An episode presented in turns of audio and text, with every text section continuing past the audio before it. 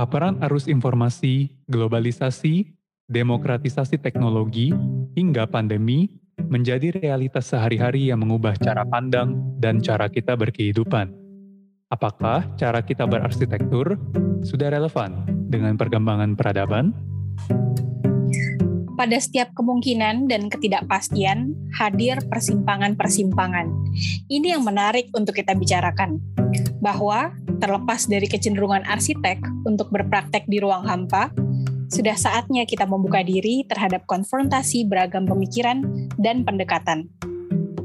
Dalam podcast Persimpangan, kami bertanya kepada mereka yang sedang mengeksplorasi kemungkinan-kemungkinan baru yang belum terjamah. Apa yang akan mereka lakukan jika profesi arsitek yang selama ini kita tahu hilang? Halo, gua Alam Mulyana, Ketua Ikatan Arsitek Indonesia Perwakilan Singapura, gue sedang berada di persimpangan arsitektur. Rumput tetangga selalu terlihat lebih hijau, apalagi yang pagarnya berbatasan langsung. Singapura adalah city state panutan dalam berbagai hal, termasuk praktek arsitektur. Ingin dengar dari cerita mereka yang tinggal lama dan membangun kehidupan profesional di sana apa yang mereka pikirkan tentang masa depan berarsitektur mereka di Indonesia. Halo, gue Reski. Hari ini kita akan ngobrol bareng Alam Mulyana, Ketua Ikatan Arsitek Indonesia Perwakilan Singapura. Halo Mas Alam, apa kabar? Baik, baik. Bagaimana? Halo, apa kabar Reski? Baik, baik. Oke, hari ini kita akan ngobrol bareng Mas Alam. Nanti mungkin Mas Alam bisa ceritain gimana mungkin dari awalnya milih arsitektur, jurusan arsitektur, lalu sampai beberapa pikiran-pikiran tentang masa depan gitu ya. Nah, boleh diceritain nggak kenapa dulu milih arsitektur, jurusan arsitektur? Apa motivasinya sih di balik pilihan tersebut? Oke, okay. um, kayaknya se seperti kebanyakan uh, anak kelas menengah Indonesia yang lain gitu ya, pilihan jurusan kuliah itu campur tangan orang tuanya sangat besar jadi waktu itu ketika SMA hobi gue tuh berurusan dengan eh, hal-hal yang berbau kreatif lah. Bisa dibilang uh, berurusan dengan seni rupa ya. Gue bahkan uh, dulu itu bergabung dalam ekstrakurikuler di SMA yang namanya Sanggar Seni Rupa. Cuman kita kita semua tahu sama tahu di keluarga bahwa orang tua tidak akan merestui kalau misalkan gue masuk ke jurusan seni atau desain gitu ya atau desain interior atau apa pun yang di, di fakultas seni rupa. Kebetulan, nggak kebetulan sih. Uh, bapakku itu eh, lulusan arsitek, lulusan arsitektur. Hanya saja memang tidak berpraktek secara profesional menjadi arsitek. Uh, beliau itu PNS, tapi on the side dia masih suka proyekan. Uh, rumah yang kita tinggali di Bandung itu dua-duanya dirancang dan dibangun oleh oleh beliau dan dari kecil pun gue udah ya, suka dibawa ke construction site gitu ya. jadi mungkin um, di unconsciously udah oke okay, gue nggak bisa ke arah seni rupa uh, unconsciously ya udah pilihan berikutnya ya arsitektur karena pengalaman-pengalaman masa kecil itu kali ya jadi um, milih arsitek itu juga rasanya sudah ada jalurnya gitu ya. Tapi walaupun ada sedikit penolakan, tapi tetap akhirnya milih uh, arsitektur lagi. Nah, lalu memutuskan um, ke Singapura gitu ya. Nah, sadar nggak sih Mas Alam dengan ada banyak sekali perbandingan yang dilakukan terhadap Indonesia dan Singapura gitu. Ada semacam direct benchmarking, terutama terkait built environment di Singapura. What's your thought on that gitu? Do you realize there's a direct benchmarking and such stuff? Ya, uh, sebenarnya kita benchmarking ke luar negeri itu selalu baik ya. Jadi kita melihat apa-apa yang baik yang ada di luar negeri dan coba untuk menerapkannya di Indonesia. Soal benchmarking dengan Singapura terutama, saya kalau misalkan conversation ini keluar, gue biasanya coba untuk mendudukan ke konteks dulu gitu ya. Karena konteksnya biasanya dimulai dengan oh Singapura bagus ya gitu. Kapan ya kita bisa jadi kayak Singapura? Bentar bentar bentar. Jadi gue suka pertama mendudukan konteksnya dulu. Um, Singapura itu negara yang sangat kecil. Satu pulau ada beberapa pulau di luar lah, tapi it's insignificant in terms of built environment ya. Negara pulau, satu pulau, penduduknya lima setengah juta. Indonesia ini negeri beribu-ribu pulau, penduduknya 270 juta.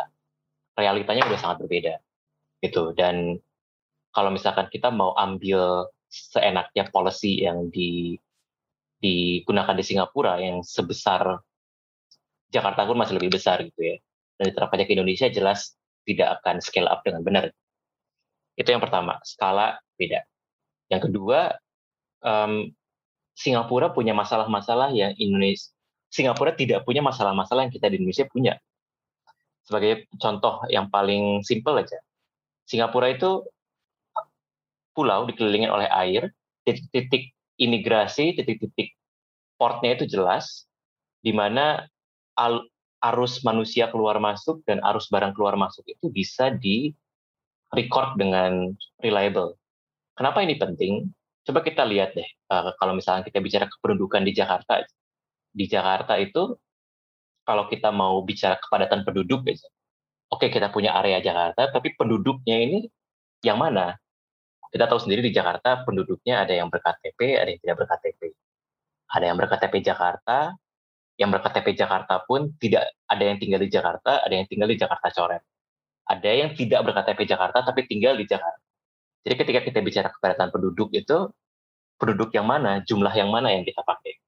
Nah, reliability data semacam ini tuh Singapura itu sangat mudah mendapatkannya. Sementara Indonesia tuh punya masalah yang sangat besar untuk mendapatkan data yang reliable soal soal soal negaranya. Jadi policy yang dibuat juga sangat sulit untuk bisa uh, mendapatkan policy yang benar-benar tepat guna gitu ya, based on uh, reliable data.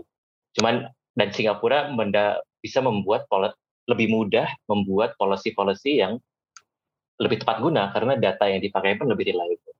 Jadi itu yang kedua gitu. Jadi masalah yang kita punya di negara ini pun berbeda. Dan yang ketiga itu gue suka mengajak um, melihat ke belakang, melihat sejarah. Singapura kan baru merdeka tahun 65 ya, kok udah bisa gitu sekarang. Tar dulu, ingat nggak Indonesia tahun 65 itu kayak gimana? tahun 6 tahun tahun 45 betul kita kita merdeka. Tapi empat tahun pertama kita perang. Lalu ada gojek-gajeng politik selama dari tahun 50 sampai dengan tahun 66 gitu kan. Tidak ada stabilitas di kita. Yang ada pemberontakan, protes dan segala macam. Dan di baru mungkin kalau gue bisa gue bilang di titik order baru sudah established tahun 68, kita baru punya stabilitas yang memungkinkan kita mengembangkan uh, perangkat negara dengan benar. Nah, kalau Singapura semenjak kependudukan Jepang berakhir, uh, Inggris kembali dan juga Federasi Malaya dibuat sampai akhirnya Singapura merdeka, hampir ada masa yang tidak terputus di dalam administrasi menjalankan negaranya jadi civil administrator, law, sampai dengan sistem yang di yang bekerja di negaranya dari tahun 45 sampai 65 mereka merdeka itu ada continuity yang tidak terputus. Dan ketika di 65 mereka merdeka, mereka jauh berada di posisi yang lebih baik daripada Indonesia ketika itu dalam hal aparatur negara dan juga administrasi negara. Jadi bisa dibilang ya pantas karena mereka udah mulai duluan. Gitu. Skala mereka skalanya lebih kecil, mereka punya sistem yang sudah diterapkan sejak lama. Uh, nggak aneh kalau misalkan mereka bisa lebih lebih maju daripada kita dalam waktu yang singkat. Cuman maksudnya bukan berarti kita nggak bisa belajar daripada mereka. Tapi menurut gue salah ketika conversationnya bicara kapan ya kita bisa jadi seperti Singapura. Itu enggak, kita nggak akan pernah bisa jadi Singapura. Karena kita sangat berbeda. Menurut gue conversation harus dibelokkan menjadi uh, apa yang bisa kita pelajari dari Singapura to be the best version of Indonesia. Oke, okay. uh, eh, sekarang boleh diceritain nggak sebelum kita menuju Mas Alam yang pergi ke Singapura gitu, dari sekolah arsitek dulu di Unkapar ya, Unkapar Parayangan, lalu selesai sekitar tahun 2008 gitu ya dari S1. Nah, itu bekerja dulu di Bandung atau di Jakarta gitu, belum ke Singapura? Ketika gue lulus itu tahun 2008 memang sudah ada pemikiran oh gue pengen keluar dari Bandung atau kalau bisa keluar negeri gitu ya untuk cari pengalaman yang lebih uh, kaya lah gitu. dan um, ketika itu uh, gue 22 tahun tinggal di Bandung. Belum pernah uh, tinggal atau sekolah di luar kota kelahiran. Tapi ketika itu 2008 kita tahu sendiri ada financial crisis dan senior-senior yang gue kenal yang bekerja di Singapura memang banyak kan ya. Mereka banyak yang pulang dan uh, mereka bilang kondisi ekonomi sekarang lagi nggak bagus. Jadi uh, mereka banyak yang mengusulkan kalau lo mau cari kerja uh, ke luar negeri, hmm, tunggu deh setahun dua tahun. Coba lo cari pengalaman yang benar dulu, yang baik dulu di dalam negeri. Dan ketika itu dalam negeri yang menurut konteks gue adalah karena gue seumur hidup masih di Bandung gitu ya the next step itu logically ya Jakarta. Makanya uh, gue apply ke company di Jakarta dan akhirnya bekerja di Abode tahun 2009. Eh sorry tahun 2008. Sa di sana bekerja dua tahun dan selama dua tahun itu gue melihat banyak uh, teman-teman yang uh, menginformasikan kalau condition uh, di dunia ini sudah membaik uh, Singapura sudah mulai hiring lagi akhirnya gue coba lagi untuk apply ke Singapura sekitar tahun 2010 dan akhirnya sampai di sini di akhir 2010 dan sampai sekarang berarti udah hampir 11 tahun ya ada di Singapura. Oke, okay. uh, 11 tahun di Singapura, uh, berarti kan sudah lewat dari satu dekade ya. Boleh cerita sedikit nggak tentang praktek berarsitektur di Singapura gitu? Gimana sih suasana berkomunitasnya? Kan pasti banyak tuh arsitek asal Indonesia yang bertempat di Singapura gitu. Gimana tuh? Ada intrik atau drama nggak sih? Gimana sih suasananya? Uh, Oke, okay. komunitas arsitek Indonesia di Singapura.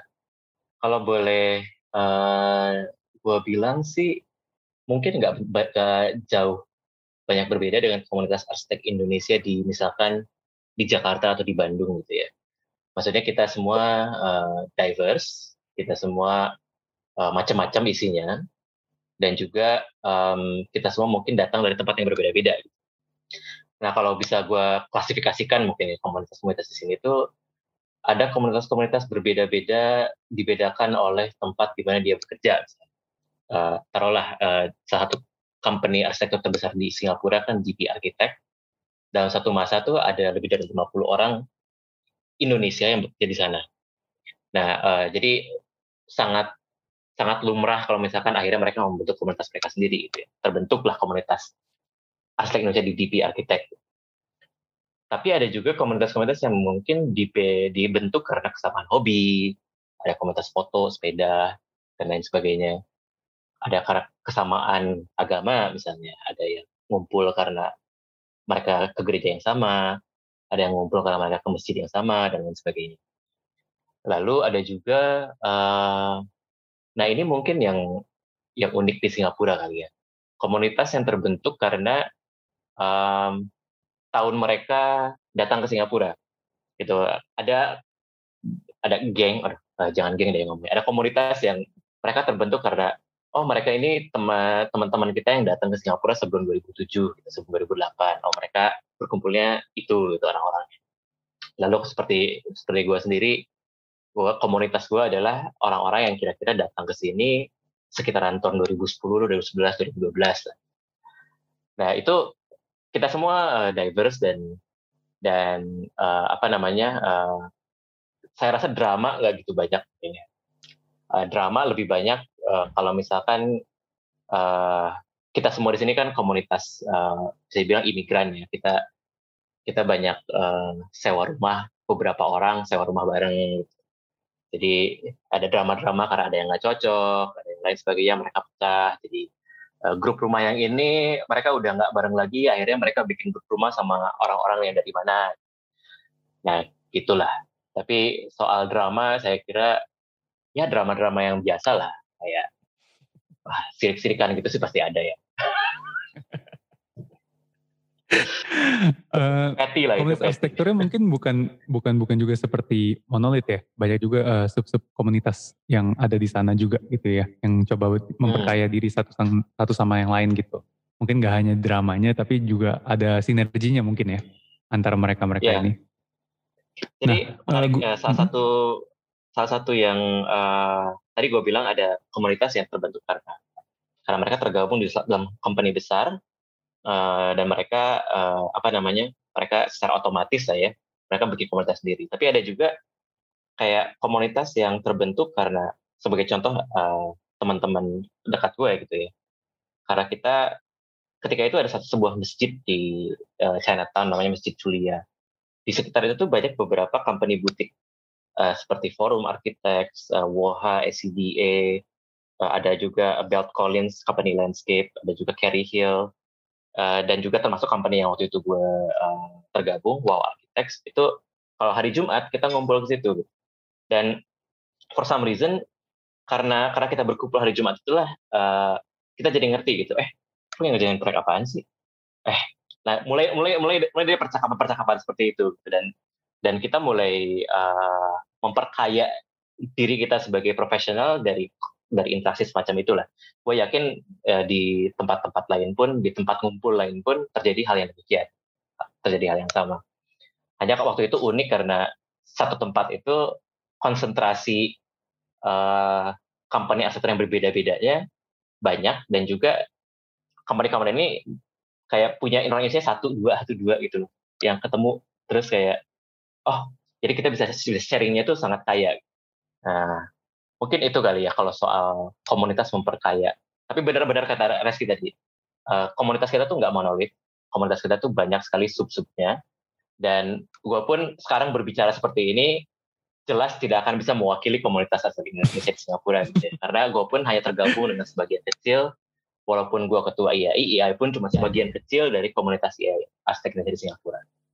Yes, got it. Nanti kita akan ke IAI sebentar lagi ya Mas Alam ya. Jadi ya. Um, aku pengen ngomongin juga mengenai adaptability gitu.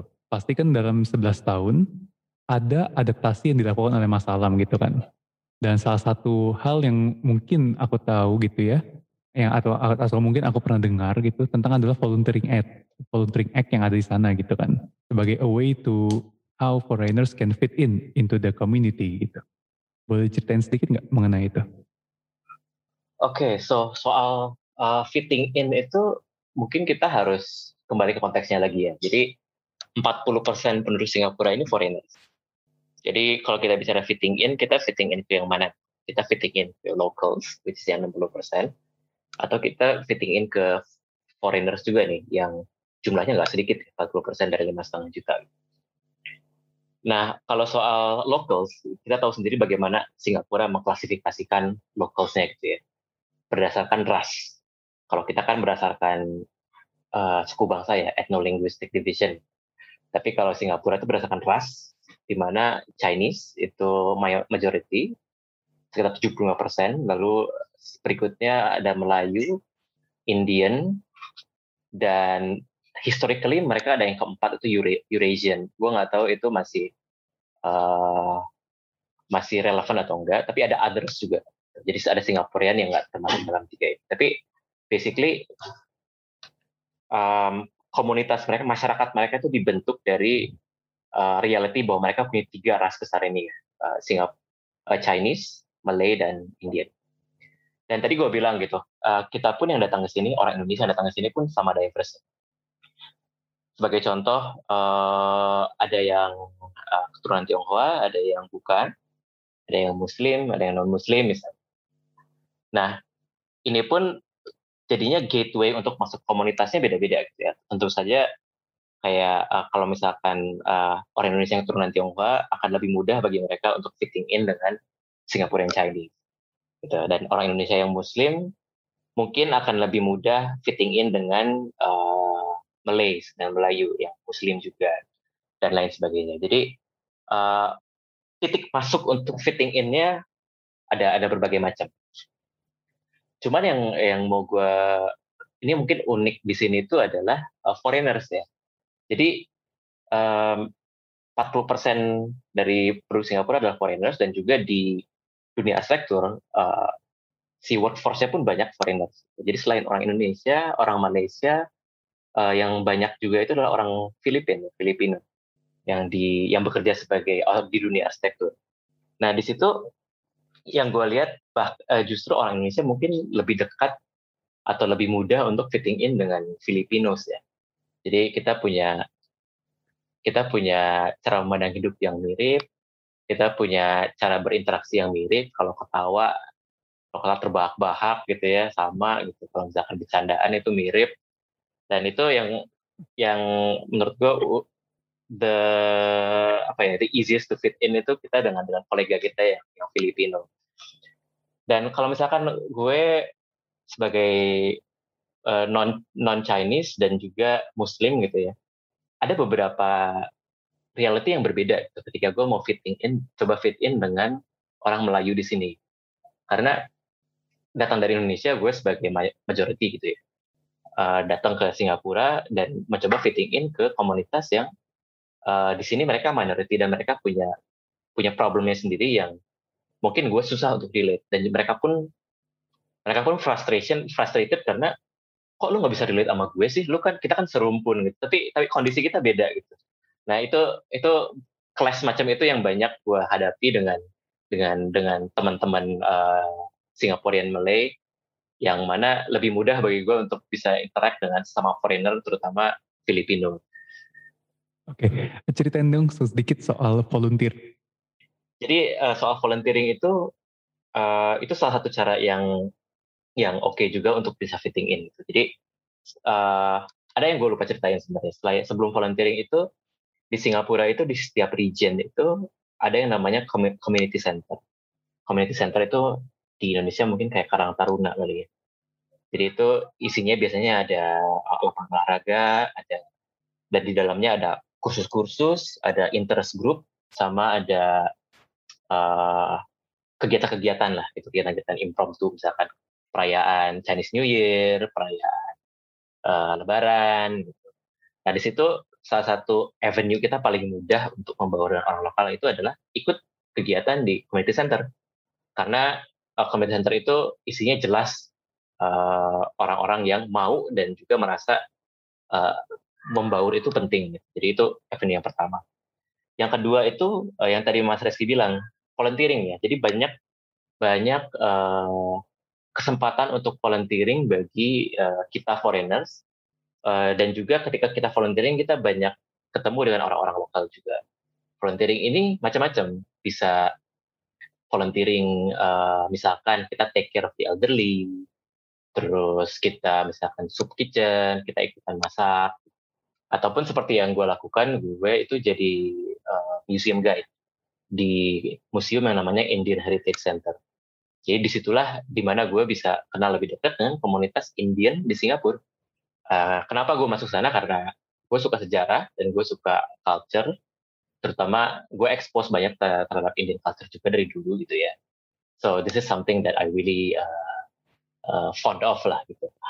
Dan di sana menariknya ketika gue bergabung di sana komunitas uh, local Indiansnya membuka tangan dengan sangat lebar dan juga di sana ketemu dengan banyak foreigners juga gitu yang punya pemikiran yang sama jadi ada Filipino ada Chinese ada ada Thai yang jadi volunteer juga dan itu itu uh, volunteering masuk community center itu cara mudah dan juga cara paling cepat gitu untuk membaur Tingin. dengan komunitas di Singapura dan juga di sana kita bisa merasakan diversity komunitas ini juga gitu ya kayak uh, our first taste buat sebuah world city kali ya. Maksudnya ya Singapura kalau misalnya dibandingkan dengan London atau New York nggak ada nggak ada apa-apanya gitu ya. Tapi buat gue yang datang dari Bandung dan hidup di sana 22 tahun, menyicipi uh, apa ya keberagaman dan juga menyicipi dunia itu ya dari situ.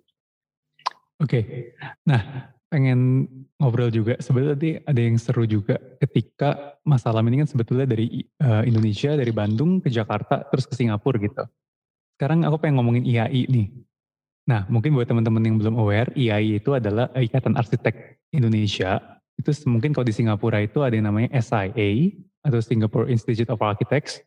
Ini IAI itu versi Indonesianya dan IAI Indonesia sendiri punya perwakilan di Singapura. Boleh diceritain nggak ketika ke sana langsung disambut oleh IAI Singapuranya atau gimana? Gimana encounter pertama kalinya dengan IAI Singapura?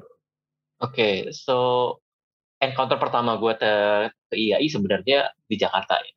Jadi ketika gue kerja di Jakarta, uh, company encourage staffnya untuk jadi anggota IAI dan juga in the end nanti terregistrasi, ya, tersertifikasi di Indonesia. Uh, jadi gue udah anggota IAI duluan 2009. Lalu ketika pindah ke Singapura akhir 2010, ketika itu sebenarnya IAI perwakilan Singapura itu lagi fuck-upnya gitu ya. Karena uh, baru diresmikan itu di, di pertengahan 2010, walaupun petisi untuk pembentukannya udah ada dari 2009 gitu ya. Waktu itu baru diresmikan di Kedutaan Besar Republik Indonesia di KBRI di Singapura tahun 2010 dan waktu itu sedang banyak kegiatan juga. Jadi uh, ketika gue tuh baru menjadi anggota IAI, nyampe Singapura, oh ternyata ada IAI juga ya.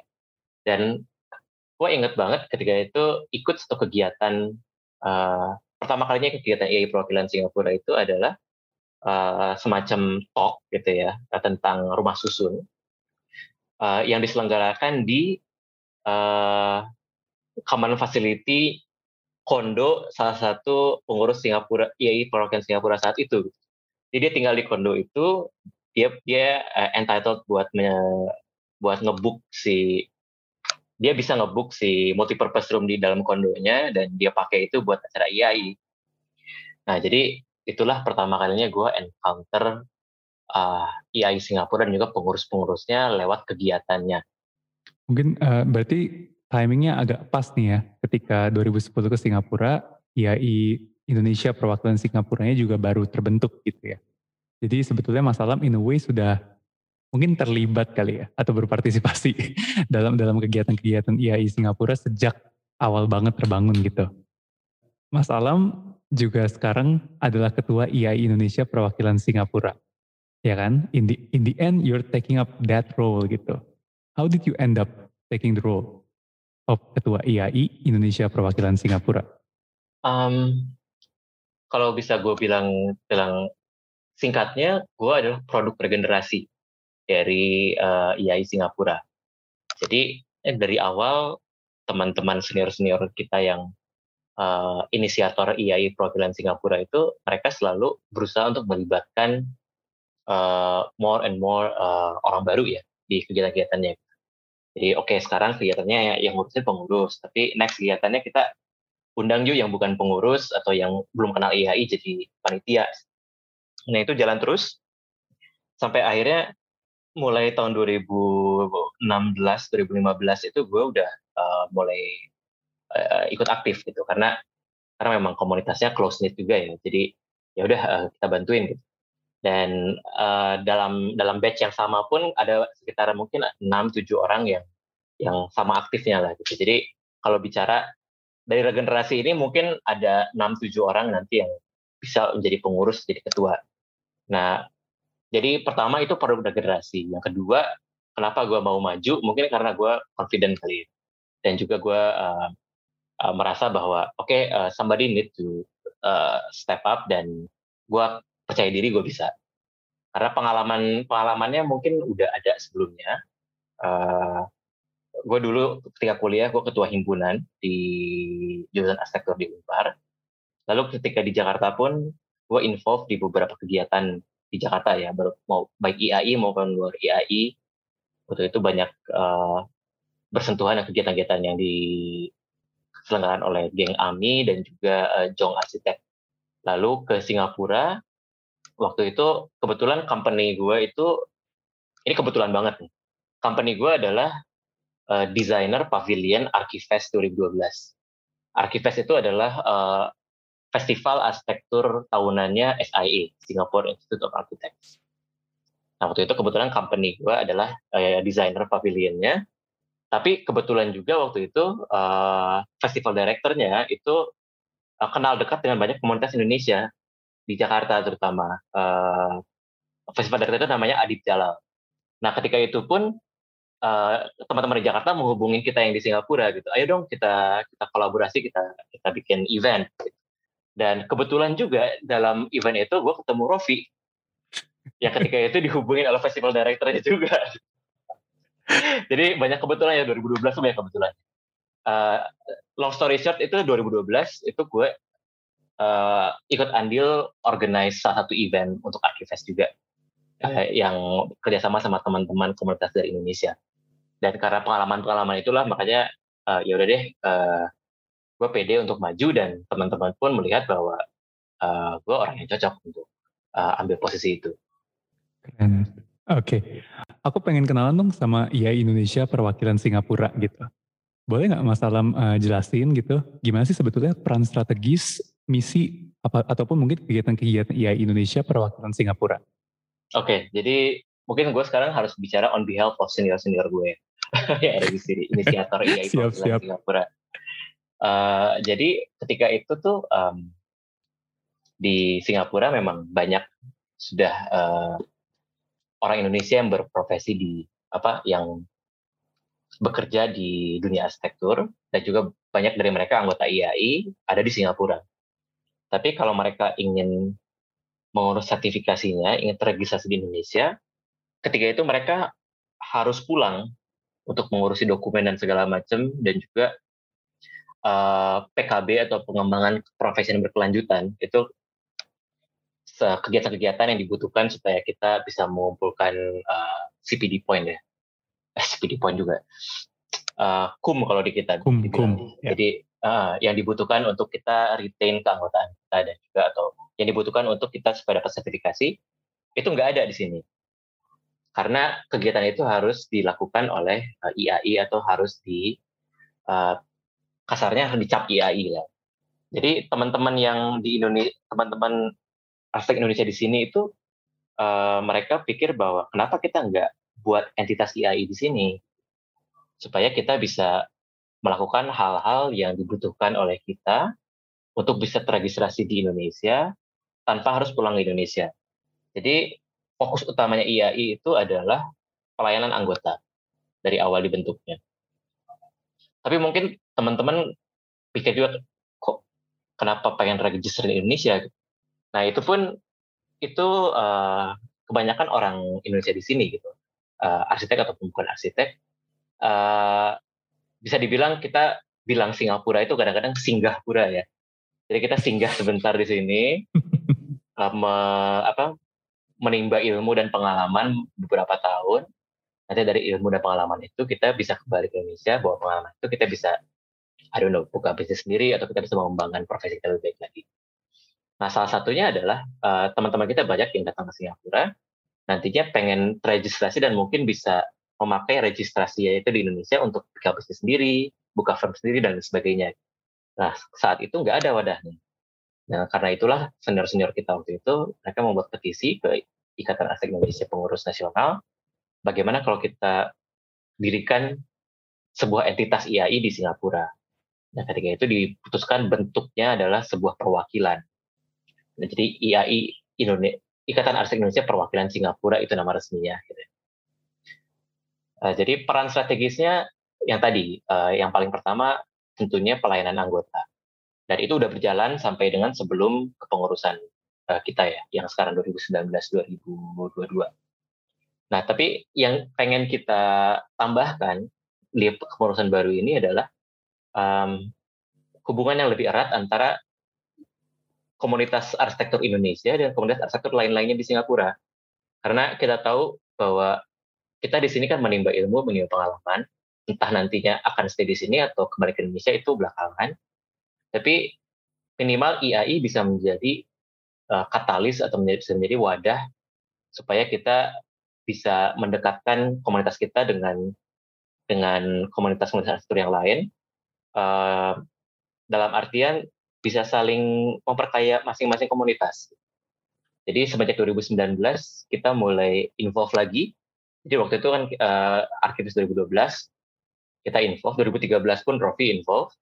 Dan setelah itu mungkin 2014, 15, 16 itu kita nggak ada involvement apa-apa gitu ya orang Indonesia. Baru ketika 2019 itu kita mulai kembalikan lagi kita bikin event uh, part of Artifest ketika itu dan sambutannya baik. Jadi uh, 2020 kemarin ketika pandemi sudah datang, kita pun masih tetap membuat event untuk Artifest.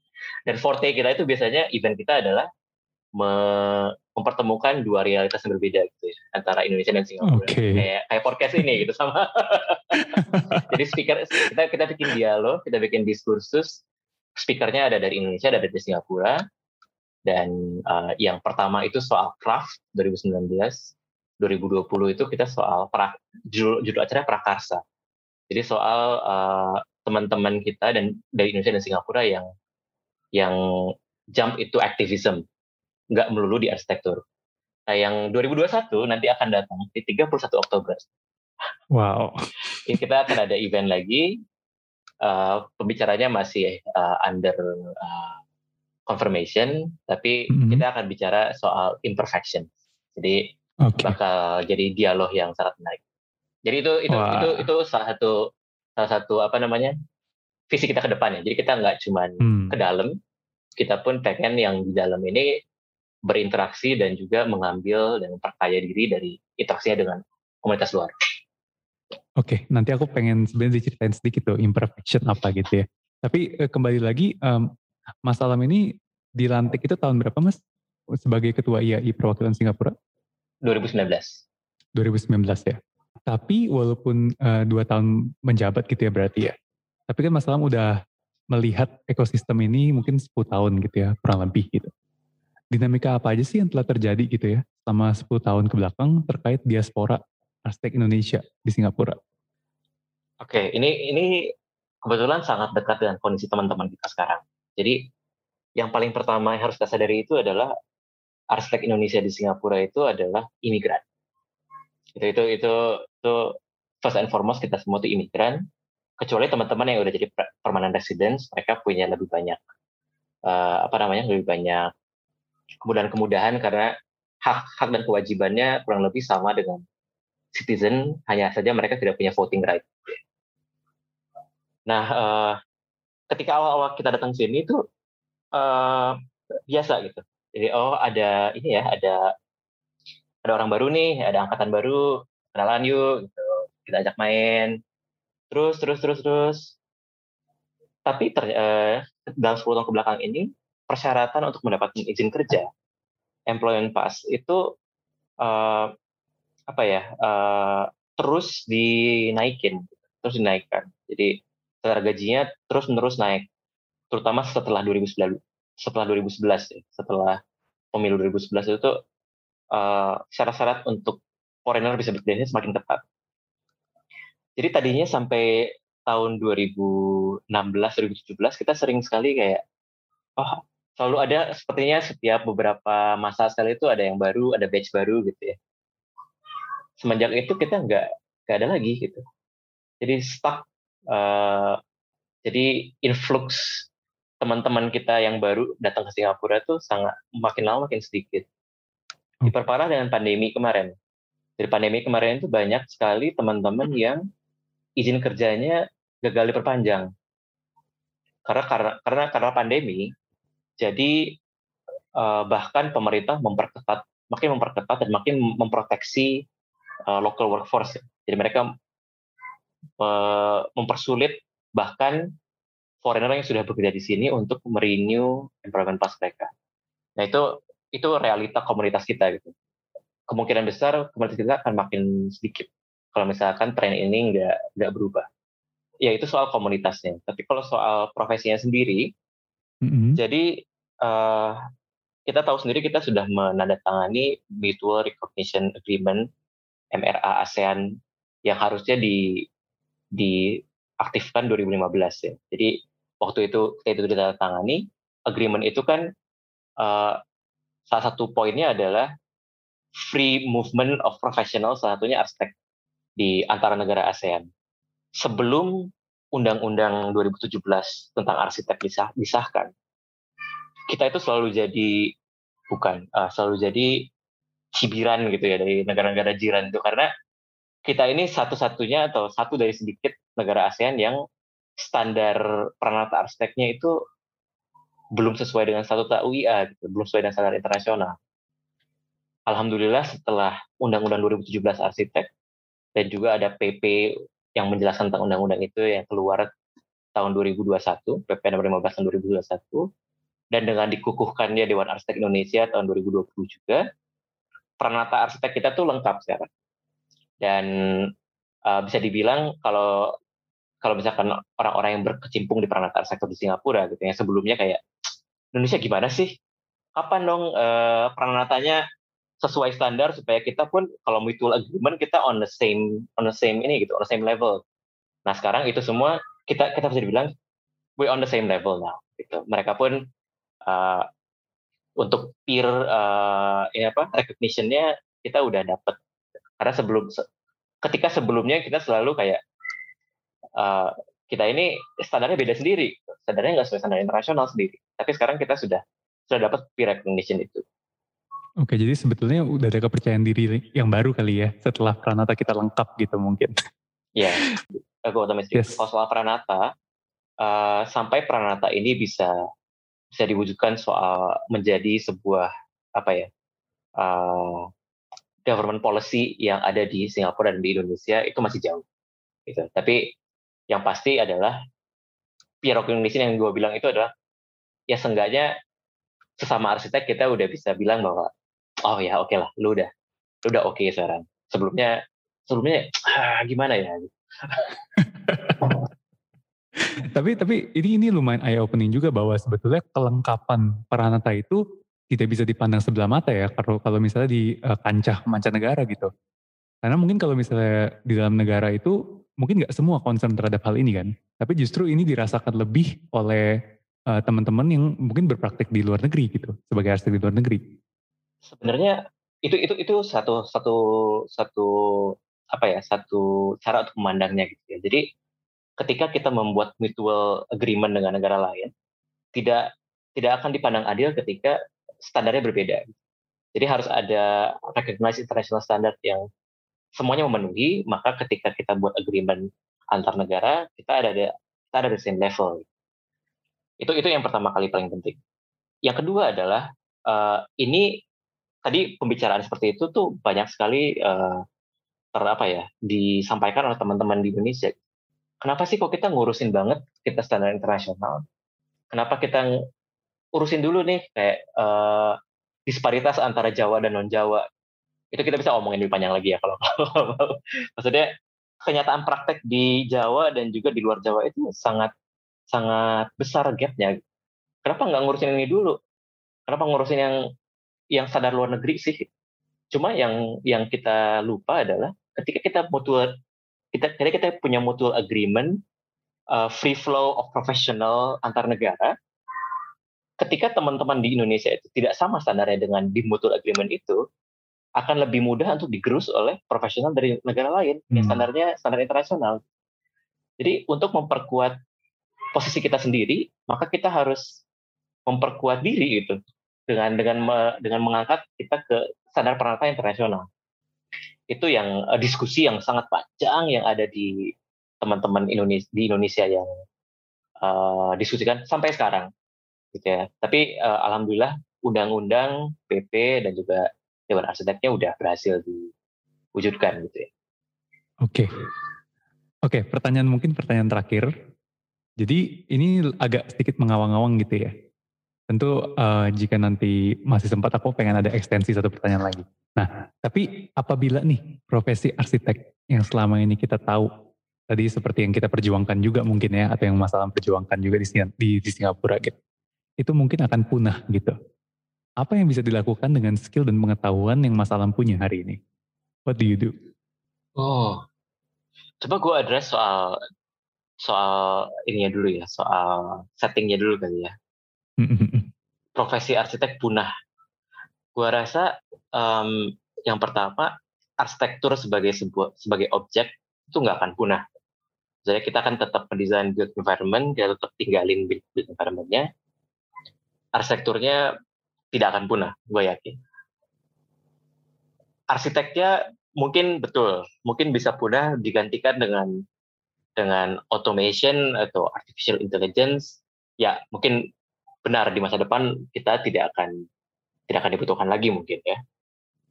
Cuman somehow karena arsitektur masih ada, gue merasa bahwa uh, policies atau regulation atau peranata untuk mengatur itu masih harus ada juga. Jadi gue rasa kalau misalkan arsitek yang sebelumnya memakai ilmunya untuk uh, merancang, sekarang merancangnya itu di, digantikan oleh mesin, misalnya, kita bisa pindah ke uh, regulatory body, gitu. Jadi kita yang mengatur bagaimana standar yang kelayakan, standar yang harus dicapai oleh si mesin-mesin ini. Nah di situlah mungkin peran kita sebagai arsitek dan mungkin peran peran gue juga gitu ya kalau misalkan arsitek sudah punah paling paling mudah itu adalah jam ke arah sana ke policies ke regulation. Policy making role ya. Betul. Uh, tapi kalau misalkan benar-benar ditanya kira-kira kalau mau ganti profesi mau apa ya? Uh, gue sangat enjoy volunteering gue sekarang gitu sebagai tour guide. Jadi walaupun sekarang guide cuma di museum gitu ya, gue sangat cinta sejarah dan gue suka uh, kultur-kultur yang di luar kultur gue sendiri, belajar dari kultur lain itu gue sangat suka. Jadi mungkin expand itu kali ya. Kalau, kalau sekarang turnya cuma tour museum, mungkin nanti jadi tour guide atau bikin travel company sendiri kali ya atau di travel blogger mungkin wow something something yang uh, beririsan atau berhubungan dengan dengan sejarah dan uh, guiding tour guiding kali ya mungkin itu sih. Kalau kalau, kalau boleh. Ini pertanyaan yang yang lucu sih. Gue gak pernah gue gak pernah mikir ke arah sana terus alright alright. Um, Mungkin mungkin sedikit aja satu pertanyaan aku mungkin dari aku pribadi gitu ya terakhir gitu. Masalah ini kan sebetulnya in a way di dalam satu persimpangan juga. Bisa melihat dua sisi gitu ya. Mungkin apa yang terjadi di Indonesia, apa yang terjadi di Singapura gitu. Dan dengan uh, you took the role as ketua IAI Indonesia Perwakilan Singapura, sebenarnya itu menempatkan diri Mas Alam sebagai seolah-olah sebagai jembatan gitu. Nah, sekarang di dunia yang um, begitu luar biasa cepat gitu ya, teknologi internet yang semua jarak terasa semakin dekat gitu. Nah, kemungkinan untuk kolaborasi-kolaborasi strategis ini kan seolah-olah lebih mudah untuk diwujudkan gitu kan. Nah, kira-kira terakhir nih dari Mas Alam, di bayangan Mas Alam, di mungkin sekitar beberapa tahun ke depan ya, in the near future sebagai Ketua IAI Perwakilan Singapura, gimana sih peran Mas Alam dalam menjembatani kemungkinan-kemungkinan ini gitu? Oke, jadi peran kita IAI Singapura sebagai jembatan itu sebenarnya sudah uh, sudah berjalan gitu ya. Jadi ketika ketika nggak cuma IAI sih, tapi teman-teman komunitas arsitek Indonesia di Singapura itu menjadi jembatan itu sudah sudah berperan banyak tuh untuk memperbaiki peranata atau menjadi konsultan lah istilahnya ya. Jadi teman-teman di Indonesia itu banyak yang berkonsultasi dengan teman-teman di Singapura tentang uh, keperanatan tadi yang akhirnya uh, melahirkan uh, UU 2017 dan juga PP 2015 salah satunya adalah hasil konsultasi teman-teman pengurus nasional dengan teman-teman komunitas di sini, senior-senior saya di sini. Jadi kolaborasi itu dan jembatan itu sudah berjalan. Yang gue lihat ke depannya itu adalah uh, karena karena pandemi ini ya, kita melihat bahwa jarak itu semakin semakin tidak ber semakin tidak terasa ya dan semakin semakin dipandang bukan halangan. Jadi kita mau kolaborasi apa pun tinggal snap of finger. Oke, okay, let's let's talk. Let's uh, let's have a Zoom conference. Let's have a podcast gitu ya. Dan itu menurut gue bisa bisa menjadi uh, akselerator buat kerjasama ke depan. Nah, IAI sendiri uh, lewat IAI nasional, mereka sudah punya forum yang namanya Four Nations itu tuh kayak forum forum diskusi dan juga forum kolaborasi antara IAI Indonesia, SIA Singapura, PAM Pertubuhan Arsitek Malaya uh, dari Malaysia dan juga ASA Association of Siamese Architects itu dari Thailand.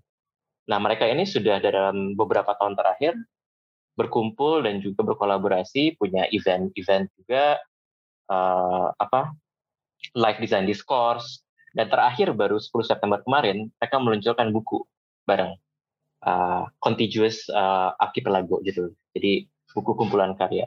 Nah, gue melihat bahwa um, ground up uh, collaboration begini masih akan terus berjalan. Hanya saja uh, mungkin yang masih sangat sulit ke depannya adalah bagaimana dari ground up collaboration ini bisa trickle down ke policy setiap negara. Gitu ya.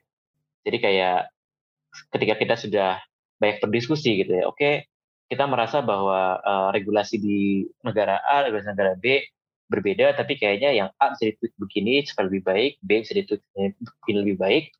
Kita membicarakan itu di forum-forum, tapi bagaimana pembicaraan forum-forum itu trickle down ke actual policies itu yang itu yang tantangan.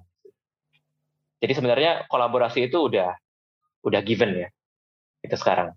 Hanya saja bagaimana kolaborasi itu bisa diwujudkan dalam dalam uh, hal-hal yang lebih konkret itu tantangan ke depan. Oke, okay. anticipating, keren banget. Oke, okay. thank you Mas Alam.